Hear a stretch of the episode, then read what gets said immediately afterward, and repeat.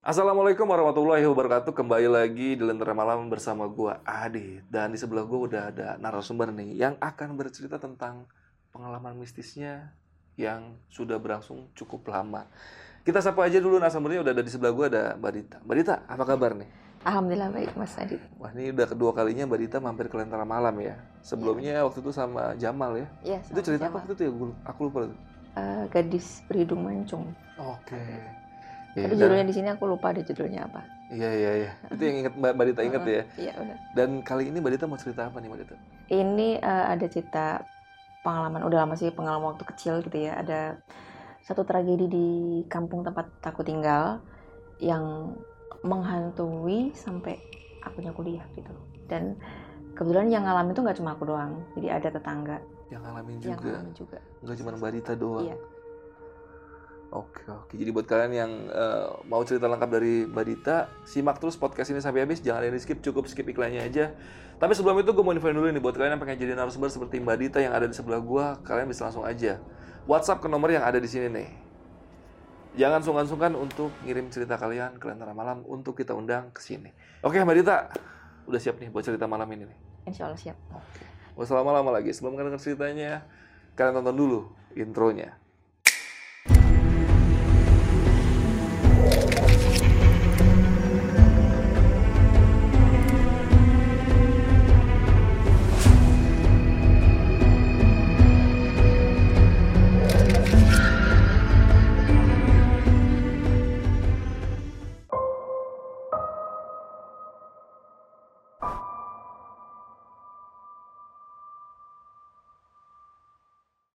Ceritanya udah lama banget waktu masih kecil masih masih SD ngaji di masjid deket rumah.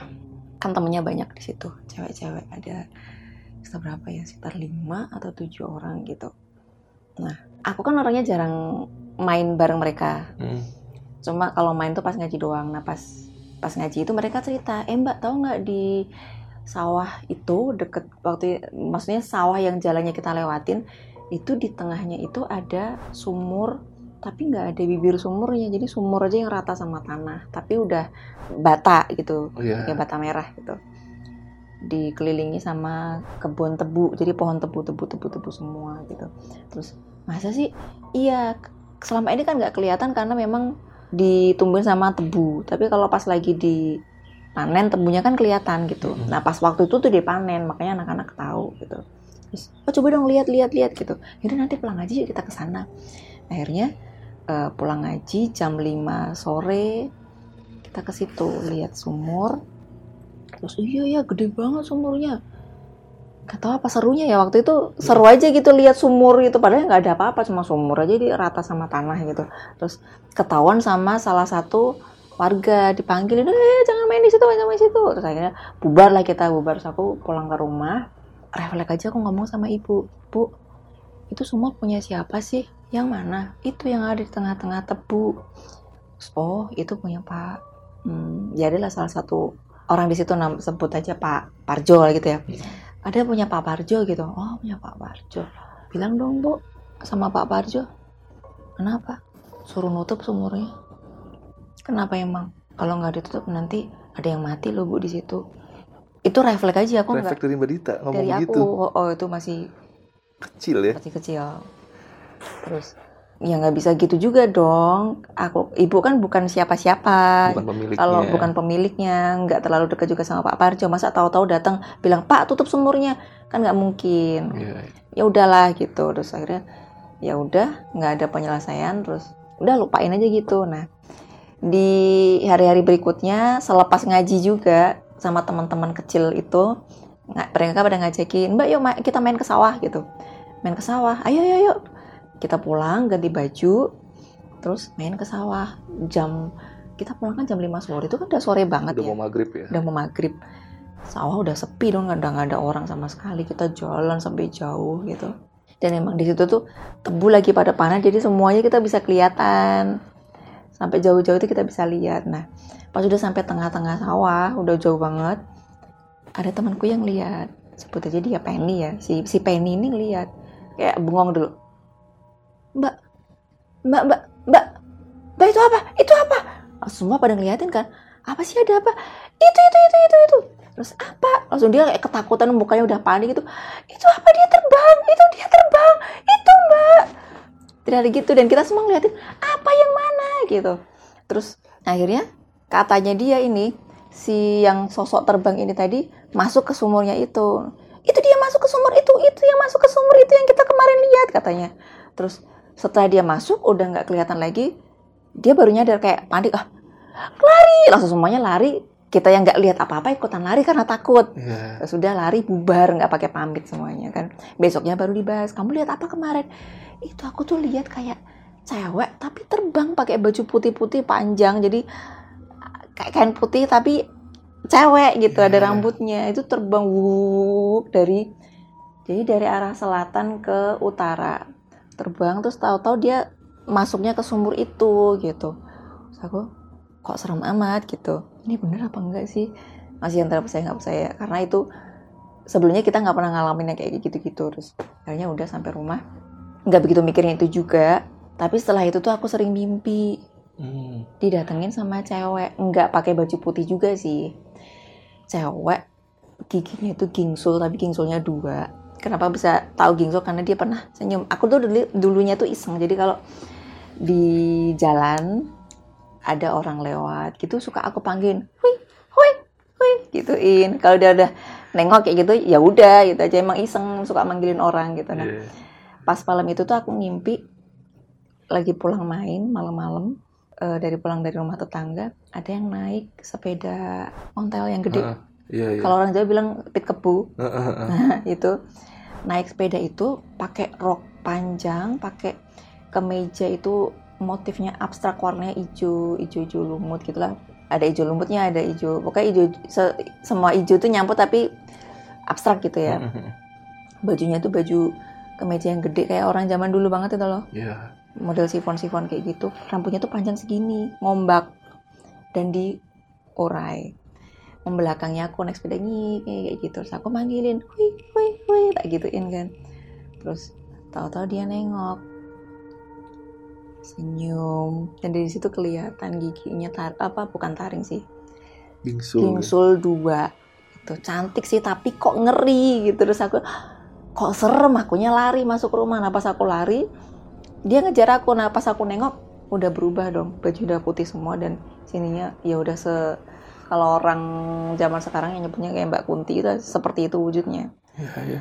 Tapi aku langsung kebangun dan sejak saat itu kayak orang ketakutan karena nggak berani tidur karena setiap kali tidur aku pasti ketemu dia Hampir setiap hari dimimpiin sama Iya dia. dimimpiin sama dia. Pasti dia itu kayak baru tidur gitu tahu-tahu no- nongol aja si, si wanita itu aku bangun lagi. Terus pernah satu malam aku kebangun, nggak mimpi sih, tapi waktu itu kebangun lihat tembok. Aku lihat tapi transparan, nggak yang kita lihat nyata gitu nggak? Jadi kayak nyatu nggak nyatu sama tembok itu wujud cewek rambut panjang itu dia berdiri ngeliatin bener nggak sih? Bener nggak sih? Aku merem lagi. Itu masih kecil sampai suatu hari. Jadi aku ketakutan tuh nggak berani cerita karena masih kecil kan. Orang juga nggak bakal percaya aku lihat apa gitu. Lagian cuma mimpi gitu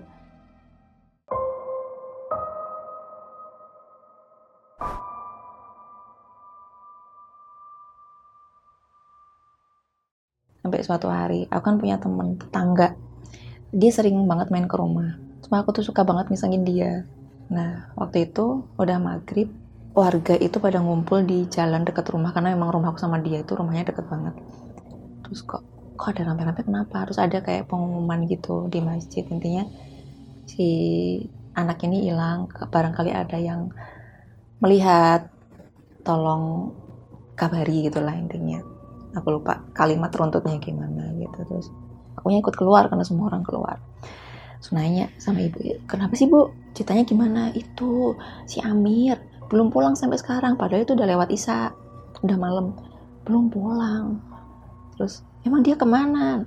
Tadi sih ini main. Terus waktu itu kan kebetulan pas itu tuh pas pilihan lurah. Jadi orang-orang pada sibuk kalau di kampung kan kalau pilihan lurah kan orang-orang pada masak-masak kayak gitu, jadi pada sibuk orang tuanya juga sibuk. Dia main juga nggak ada yang ngawasin juga. Sempat pulang minta makan tapi karena nggak ada makan dia dia pergi lagi gitu. Habis itu nggak pulang sampai sekarang. Kayak gitu. Lah kamu lihat nggak? Sempat aku juga sempat ditanya karena sering main ke rumah? Enggak nggak lihat seharian ini aku bilang.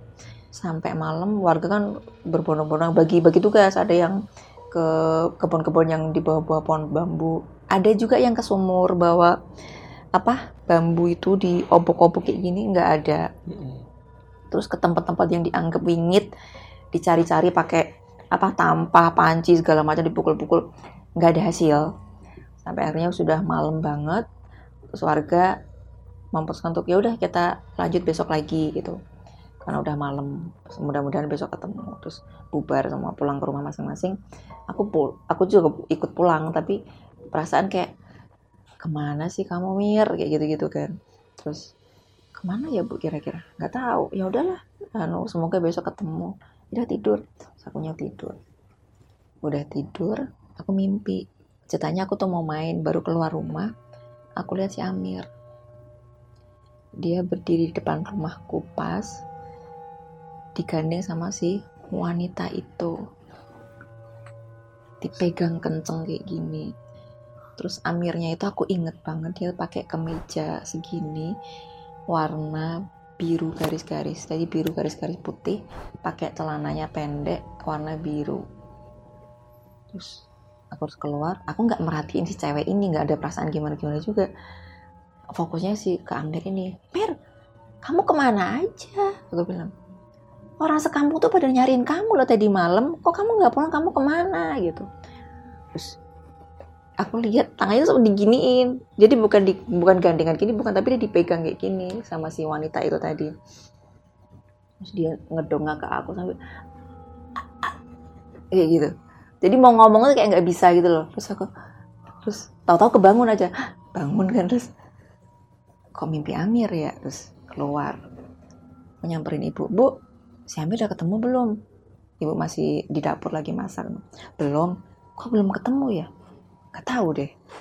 Terus nggak lama ada yang teriak-teriak wah Amir ketemu Amir ketemu. Terus lari kan refleks kita langsung lari. Hah kenapa pak? Ada bapak-bapak yang lari wah Amir ketemu Amir ketemu. Di mana? Langsung lari kita semua lari nggak tahu itu arahnya ke mana. Pokoknya kita ngikutin karena waktu itu rame banget. Orang-orang pada keluar rumah lari menuju Iya. ke TKP aku juga ikutan lari. Terus eh, jadi jalan utama aku ikutan lari ke situ ini kan jalan menuju ke sumur. Aku berhenti di depan jadi kayak pertigaan gitu ya ini jalan setapak menuju ke sumur. Aku berhenti di depan situ pas. Udah nggak bisa gerak karena pas aku berhenti di situ salah satu tetanggaku tuh udah bawa si Amber di bopong begini. Jadi posisinya kayak gini. Kaku dan air itu masih menetes. Dan yang bikin aku nggak bisa ngapa-ngapain itu jadi kayak kayak nge-freeze gitu ya. Baju sama celananya sama. Sampai di mimpi. garis-garis iya garis-garis putih celana garis-garis putih biru celana biru. Aku diem aja di bawah melewati di depanku pas aku jadi bisa lihat bener-bener lihat wujudnya sedetail mungkin yang matanya itu udah agak kayak orang nangis lama gitu apa ya? Sembab gitu ya. mbak eh, gede gitu gini bentuknya kayak gini. Kaku udah membiru gitu. Lewat di depanku sambil air, airnya tuh masih menetes-netes orang-orang udah pada ke sana orang udah pada habis udah sepi kan aku baru nyadar. Aku udah sendirian. Saya pulang lari pulang ke rumah. Bengong aja udah diem aja. Udah sana mandi sekolah. Iya mandi berangkat sekolah. Dan di sekolah aku diem aja. Karena nggak percaya kok kok bisa? Gitu kok bisa bajunya sama dan kok bisa dia meninggal gitu. sampai rumah aku nggak berani masuk rumah. Aku ke tetangga. Karena waktu aku pulang ke rumah itu pemakamannya belum selesai. Padahal biasanya sekitar jam 12-an itu harusnya udah selesai. Tapi Iya. ini molor agak lama. Setelah semuanya udah selesai ibuku pulang aku baru berani pulang. Lihat ibuku pulang aku berani pulang. Terus aku nanya kok lama bu? Iya tadi eh, ada beberapa kendala. Eh, kalau di kampung kan kalau orang meninggal kan pakai tape yang ada suara ngaji-ngaji kayak gitu kan. Itu sempet nggak nyala. Terus mayatnya kan kaku. Agak susah dilurusin. Iya, ngerungkel gitu ya soalnya. Ah, ngerungkel terus jadinya agak lama. Beda sama yang mayat-mayat biasa gitu. Oh gitu. Udah gitu aja. Habis itu nggak ada apa-apa. Sampai di tepat di tujuh harinya aku sudah mulai melupakan kejadian itu pulang sekolah oh ya sebelumnya kan aku udah cerita di sama ibuku Mm-mm. waktu si setelah Amir dimakamkan aku cerita semua ke ibu apa yang aku lihat apa yang aku mimpiin itu tadi eh apa yang temanku lihat di sawah itu tadi terus apa yang aku mimpiin Dan juga apa yang diucapin sama Mbak Dita kejadian Heeh. yang Gitu. nanti bakal ada yang mati. ada yang mati di semua. situ iya terus aku udah sempat cerita ke ibu terus udah habis itu udah lega terus aku udah bisa mulai melupakan. Terus sampai di hari ketujuh pulang sekolah karena udah mulai lupakan udah mulai biasa aja gitu ya. Mm-mm. ibuku tuh kayak udah mak eh an makan dulu ya. Aku masak ibu masak sop gitu. Udah kan aku suka sop ya udah makan dulu.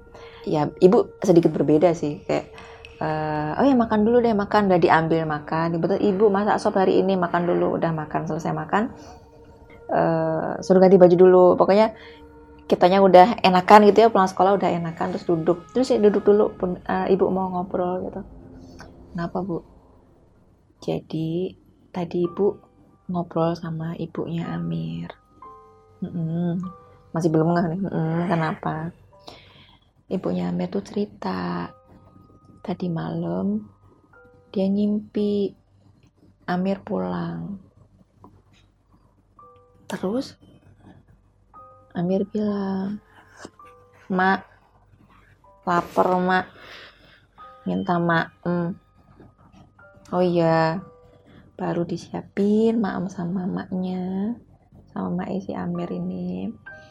Amir bilang jadi kan dia membelakangi si Amir gitu kan jadi denger suaranya doang. Mak maaf ya aku pergi nggak pamit soalnya kemarin aku diajak sama wanita ya wanita gitulah. Pas denger diajak sama sosok wanita itu si maknya langsung nyadar dia. Anakku kan udah nggak ada. Terus pas dicari emang udah nggak ada terus dia bangun. Terus ibu bilang kayaknya mimpimu itu bener deh Dit. Aku langsung Reva aku langsung nangis, ibu takut Iya. takut aku takut yang bener bu ya Allah aku takut. Ya udah nggak apa-apa doain aja. Katanya udah doain aja. Mudah-mudahan si Amir tenang di sana gitu. Udah semuanya udah terlanjur soalnya kan. Udah anaknya udah nggak ada. Udah doain. Aku nangis terus nangis ketakutan gitu terus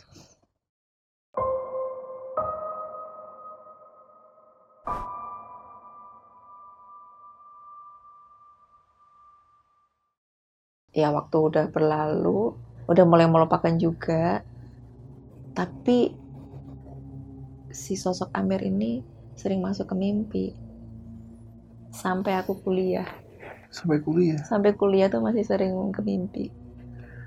Mimpinya itu bukan mimpi yang panjang sih. Ketemu dia terus habis itu dia mbak temenin aku. Set nyamper kayak gitu. Aku lari. Seringnya begitu. Pokoknya dia tuh sering bilang mbak temenin aku kayak gitu gitu itu yang serem. Iya, iya. serem. Akunya kayak "A- apa aku mau dibawa mati atau gimana? gitu terus akhirnya suatu hari eh, pas libur kuliah duduk di luar gitu cari angin. Aku cari eh, kebetulan kamar kan di kamar paling luar gitu ya deket ruang tamu. Terus aku ke- keluar kamar terus langsung ke teras. Aku duduk. Rumahku itu kan su- tusuk sate. Jadi begitu aku duduk di depan di teras rumah langsung jalan Iya. sana jalan raya terus belok ke sini. Pertigaan gitu ya. tigaan gitu aku duduk. Di sini itu tanah kosong milik orang tuaku tapi masih kosong itu masih kebun kosong terus banyak pohonnya. Aku diem masih sambil menikmati angin gitu ya sambil ngelamun. Tahu-tahu dari arah kebun itu ada yang gerak ada yang nengok. Gini sit. Terus ngeliatin gitu kan. Kayak gimana sih? Ini kan ada pohon nih. Dia ngeliatin sit kayak gitu bentuk Iya. Se 90 derajat eh kurang deh kurang kurang deh. 45 mungkin. Mm-mm, gitu sih kayak gini kan. Terus aku ada yang ngeliatin siapa? Aku nengok dia balik lagi. Gitu, kayak gini. Ya apa sih aku ngeliat lurus lagi. Nengok lagi nunduk lagi kayak gini kan. Tak liatin lagi dia kayak gini lagi. Putih wujudnya. Terus pikirku ini pasti temanku nih ada tetanggaku namanya Ali emang anaknya iseng dan nggak punya takut sama sekali. Mm-mm. Ali nih pasti nih akunya gitu kan terus aku biarin aja udah biarin aja. Nengok lagi dia. Nunduk lagi. Terus aku liatin lagi? Dia kayak gini lagi. Ber- eh, sembunyi di balik pohon lagi. Hmm, kurang ajar nih orang nih. Aku langsung bangun kan. Aku samperin. Pas aku eh, udah deket pohon itu aku kayak giniin? Nggak ada siapa-siapa. Dan aku liatin ke jadi kan nggak ada jalan lain. Kebunku itu kan di pagar muter gini yang yang di ini pohon ini tadi ini tuh jalan masuk. Hmm. Jadi jalan masuknya cuma sini doang di dekat pohon iya. ini dan di sini semua ke pagar gitu. Kalau bener itu tadi si Ali pasti ada jejaknya dia lari. Tahu, kelihatan lah ada, dia kaburnya. ya. kelihatan, ini nggak ada aku ngeliat sekitar nggak ada. Dan itu gelap banget karena nggak ada lampu di situ. Nggak ada tanda-tanda ada manusia di situ gitu. Terus aku ingat-ingat lagi ya Allah Astagfirullahaladzim kabur aku langsung masuk rumah tutup kunci. Karena setelah aku inget-inget yang aku lihat itu tadi bentuknya pocong kebungkus semua. Dan itu nggak tinggi. Ali kan bukan orang yang tinggi juga. Cowok tapi pendek. Nah itu si pocong itu juga gitu. Dia nggak tinggi. Kecil. Seukuran anak-anak. seukuran anak-anak. Tapi lebih tinggi dari Amir. Makanya aku nggak nggak berpikiran ke situ. Aku mikir itu tadi kan pocong bentuknya karena sampai atas itu putih semua. Dan ada lekuk-lekuknya begini. Kenapa aku mikir itu Ali gitu? Ya Allah oonnya aku Terus, ya udahlah sudah kan? Habis itu besokannya tuh ngobrol-ngobrol biasa sama tetangga-tetangga gitu kan. Tetanggaku itu cerita dia kan jual soto di kantin sekolah gitu. Tapi pagi dia udah mulai jualan jadi jam 4 itu dia udah bawa makanannya itu ke dekat sekolahan. Dibawa satu-satu nanti kalau udah balik lagi nanti apa sih istilah jauhnya ngusung itu apa ya kalau bahasa Indonesia ya? Apa yang maksudnya? jadi barangnya tuh dibawa satu-satu diangkut satu nanti balik Dicicil lagi. gitu satu-satu. Dicicil, satu-satu kayak gitu. Pagi dia sendiri. Nah waktu itu dia bawa panci soto yang ada ininya pegangannya gitu. Terus yang satu bawa apa udah pokoknya dagangan gitulah lewat situ. Dia juga sama. Ada pocong diam aja di pinggir ngeliatin dia aja. Terus dia nengok kan si tetangga nengok. Hah? Terus lihat pocong dia sempet kayak si Amer tapi kok tinggi gitu Mer sempat dipanggil kan dia diem aja pocongnya udah dia jalan aja udah habis itu lari karena kaget "Ah, iya itu pocong Terus sampai itu apa sotonya itu sampai tumpah-tumpah Iya. terus dia cerita ke aku tapi tuh kalau itu Amer itu tingginya itu nggak seamer agak tinggi lagi ya sama mbak yang aku lihat jadi emang nampak gitu Iya. iya. Tapi mukanya kelihatan nggak pas gitu? Apa nggak terlalu jelas? yang di tetanggaku sih dia nggak cerita ya tapi Mm-mm. di tapi dia sempet kayak yakin itu Amer tapi dia lebih tinggi kalau di kalau yang aku lihat nggak kelihatan Ya kan karena kan dia pas Mbak Dita nengok dia udah Heeh, sembunyi lagi Sembunyi kayak lagi. gitu ya, ya. tapi yang ngerinya itu sih dia ngajak ke mbak temenin aku Itu pas di mana ngucapinnya?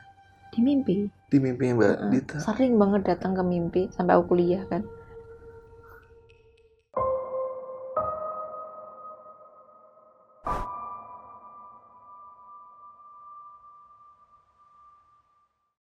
Oke, berarti ini sosok Amir itu sampai Mbak Dita kuliah itu masih sering muncul walaupun dalam mimpi ya. udah mimpi Ya, walaupun pernah sekali tuh yang di pohon itu ya. Heeh. Kalau sampai detik ini masih pernah mimpi atau ketemu lagi nggak sama Amir Mbak Dita?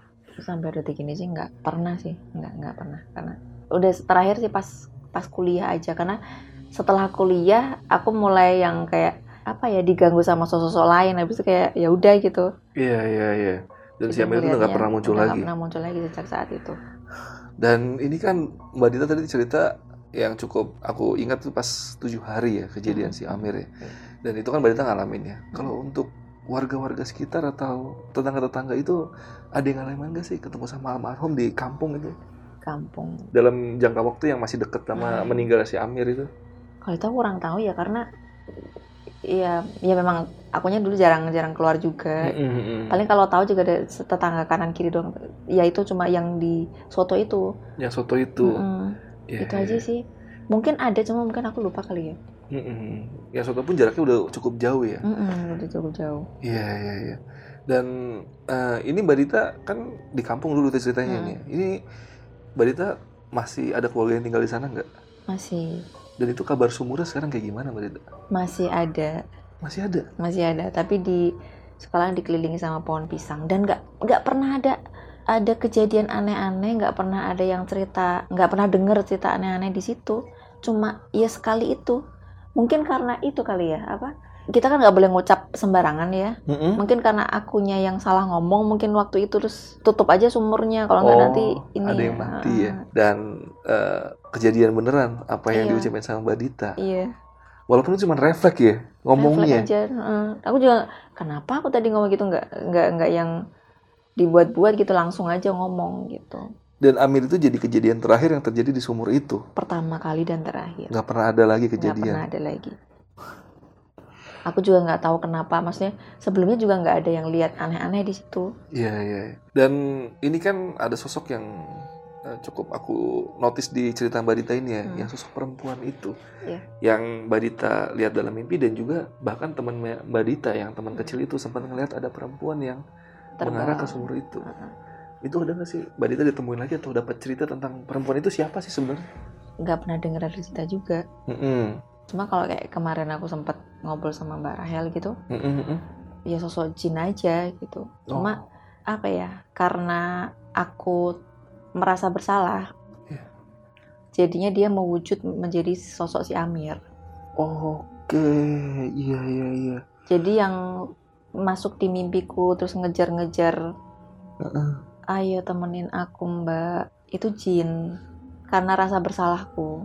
Iya iya iya. Aku paham paham nih paham nih. Jadi kemungkinan yang dilihat sama Mbak Dita dan juga yang tukang soto itu itu sebenarnya bukan arwah dari si Bu- Amir. Bukan, ah. Kemungkinan si perempuan itu jin itu merubah wujud jadi si sosok si Amir. Iya benar.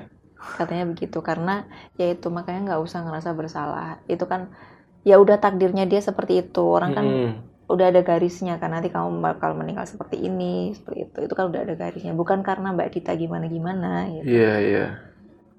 Cuma ya ya memang ya itu sih ya. Yang pertama aku ngucap se- sembarangan terus Mm-mm. keduanya memang aku sama si Amir ini iseng banget. Hmm. Iya aku iya. suka nakalin dia gitu. Jadi Iya iya. Tapi itu seumuran waktu itu pas dia meninggal lagi seumuran Mbak Dita. enggak sih jauh. Lebih tua siapa? Aku Kasihan banget masih kecil. Itu kira-kira umur berapa sih Amir itu? aku kelas 6 dia kelas sekitar kelas 2 2 3 Masih kecil ya. Ah, Nah ini kan tadi ada ucapan Mbak Dita yang eh, nanti ada yang mati di sumur itu. mm-mm. Itu ibunya Mbak Dita sempat cerita nggak sih ke keluarganya Amir kalau Mbak Dita sebelumnya sempat keceplosan ngomong gitu? oh kurang tahu Kurang ibu juga tahu. nggak cerita kurang tahu saya Ya, ya, wah, itu bisa begitu ya. Dan berarti sumurnya sampai detik ini masih ada belum ditutup tuh? masih masih ada Dan masih difungsikan gitu. enggak sih dari dulu memang tidak difungsikan Tapi airnya ada. ada Jadi itu maksudnya fungsi sumur itu buat apa sebenarnya? kalau di kampung kan memang kalau zaman dulu kan sering ada kalau musim kemarau itu kan ada kemarau panjang gitu nggak ada Mm. air air yang ada itu yang dari yang di tengah sawah kayak Iya. di sendang kayak gitu gitu itu buat kayak Oh, buat cadangan buat cadangan gitu. air, cadangan iya, iya. air. Dan cukup aneh juga nih kan Mbak Dita tadi sempat eh, ngomong kalau warga itu sempat nyari ke sumur itu. Iya, sempet diobok-obok pakai apa? Kayu gitu, bambu. oh, heeh. bambu panjang itu nggak ada. Nggak ada. Heeh, tapi begitu ditemukan, ya ketemunya di situ. Dan anehnya kalau orang meninggal di air itu harusnya ke- kelentang nggak sih? Nggak tahu juga kalau itu. Atau gimana gitu? Kalau orang kecemplung di air gitu ya mati Heeh. karena tenggelam, posisinya kan nggak gitu. Ini posisinya begini, ngeringkuk, Itu yang nemuin udah ngambang atau gimana tuh udah ngambang. Udah ngambang di sumur itu? Iya. Dan itu udah kaku. Iya Pak. Iya, iya, iya. Iya kan, udah kaku. Dengan mata sembam, gede gini ya. Udah kayak nutupnya tuh untuk kepaksa gini dengan badan itu kayak gini kaku. Kak- kakinya juga udah nekuk kayak gini. Tangannya begini, ngeringkuk. Iya, iya. Itu Atau, sih mu- yang aneh. atau mungkin kalau kita logikakan ini Amir meninggal di tempat lain ditaruh di situ atau mungkin ya. Kalau kita logikakan ya. Kemungkinan. Kemungkinan ya bisa jadi ya. Nah ini kan eh, Mbak Dita, gue mau infoin juga nih kalau Mbak Dita juga eh, kreator horor juga nih. Heeh. Iya. Dia punya channel juga namanya Terbangun Tengah Malam. Iya, berbunga. Dan ini konsepnya cukup unik nih buat kalian yang buat eh, tinggal-tinggal di daerah-daerah cukup jauh dari Hmm. Jakarta atau tempat Mbak Dita tinggal itu tetap bisa jadi narasumbernya Mbak Dita karena Iya, eh, Terbangun Tengah Malam ini punya konsep yang cukup unik. Boleh diceritain ya Mbak Dita ke penonton nih. Konsepnya Terbangun Tengah Malam tuh kayak gimana tuh? Eh, konsepnya kita pakai Zoom, jadi di mana pun kalian berada, kalian tetap bisa berbagi cerita. Karena ada juga sempat yang eh, narasumber yang katanya ngirim cerita di sini, Mm-mm. tapi terkendala jarak. Mm-mm. dia di, di, di daerah gitu terus eh, ketika nggak bisa ke sini bisa nggak datang ke sini ada tuh sempat ada yang cerita Iya, begitu iya. Wah nggak bisa jauh terus akhirnya aku tapi aku pengen banget cerita gimana ya sampai akhirnya eh, ketemu TTM ya sudah Iya, iya, iya. Ini solusi baru buat kalian yang pengen cerita tapi terkendala sama jarak ya Mbak Dita Iya. ya. Karena Mbak Dita via Zoom. Tapi usahain kalian cari tempat yang eh, oke supaya sinyalnya nggak putus-putus karena Iya. bakal ribet nanti syutingnya ya. Kita pernah dulu waktu itu wah kacau banget ya kita pernah Iya. syuting tuh Mbak Dita ya karena Heeh. emang LM internetnya kacau juga. Jadi kita ada kendala. LM juga dulu pernah punya konten di Mbak Dita. Bisa cek video terba- terbangun tengah malam yang udah agak lama ya Mbak Dita ya. Agak lama sih ya. Itu kita punya konten bareng sama Mbak Dita. Jadi buat kalian yang coba pengen cerita tapi jaraknya jauh, bisa mampir ke Terbangun Tengah Malam. Nanti linknya gue taruh di kolom deskripsi. Dan mungkin ada yang pengen tanya-tanya atau ada kalian ini tetangga di kampung yang Mbak Dita dulu pengen sapa-sapa lagi Mbak Dita bisa mampir ke Instagram. Ada Instagram nggak Mbak Dita pribadi? Aduh kalau Instagram aku udah nggak- main Instagram ya tapi Nggak main. Mainnya di mana sekarang aktifnya? Nggak nggak aktif di sosmed sih paling juga paling di ini aja eh, Instagramnya terbangun tengah malam aja Oke, berarti kalau mau kontak-kontak sama Mbak Dita lewat terbangun tengah malam aja karena Mbak Dita juga pasti admin di situ ya, ngecek Ya, juga ada di komunikasi di situ ya. Tinggal ngomong aja mau ngobrol sama Mbak Dita. ada yang mau disampaikan lagi kan Mbak Dita Eh, ke pasukan antara malam ya? Eh, udah sih gitu aja Itu aja ya. Oke, udah paling eh, cerita kali ini bisa kita petik eh, pelajarannya. Kalau bisa kalau kalian punya anak-anak yang masih kecil, usahain jangan dilepas main sendirian lah ya. Karena itu infonya si Amir lagi sendirian main atau gimana tuh Mbak Dita? seharian itu nggak ada kontrol keluarga sih dia Iya. main-main aja jadi pas pulang juga di rumah nggak ada orang dia main lagi Iya, dari iya. pagi memang main dia Iya, jadi usahain tetap dikontrol karena takutnya kejadian sama seperti almarhum Amir ya. Dzalik. Tahu-tahu udah ketemu jadi jenazah. Jadi harus lebih waspada lagi. dan satu lagi Heeh. jangan suruh ucap Iya, jangan sampai salah ucap seperti Mbak Dita tadi. Itu ya tanpa sengaja juga Mbak Dita karena masih kelas 6 SD ya. Iya. Tiba-tiba mungkin terlintas aja di kepala seperti itu tahu-tahu kejadian. Tau-tau ngomong aja udah. Itu jaraknya nggak jauh deh dari Mbak Dita ngomong Nggak ya. jauh, nggak jauh udah. Mungkin hitungan apa ya bulan kali sebulan dua bulan. lah. Kejadian hari itu ya. Kejadian. Oke, ya udah paling kita tutup aja podcast malam ini. Jangan lupa mampir ke Terbangun Tengah Malam. Gua Adit dari Tengah Malam pamit dan Mbak Dita dari Terbangun Tengah Malam pamit. Bye.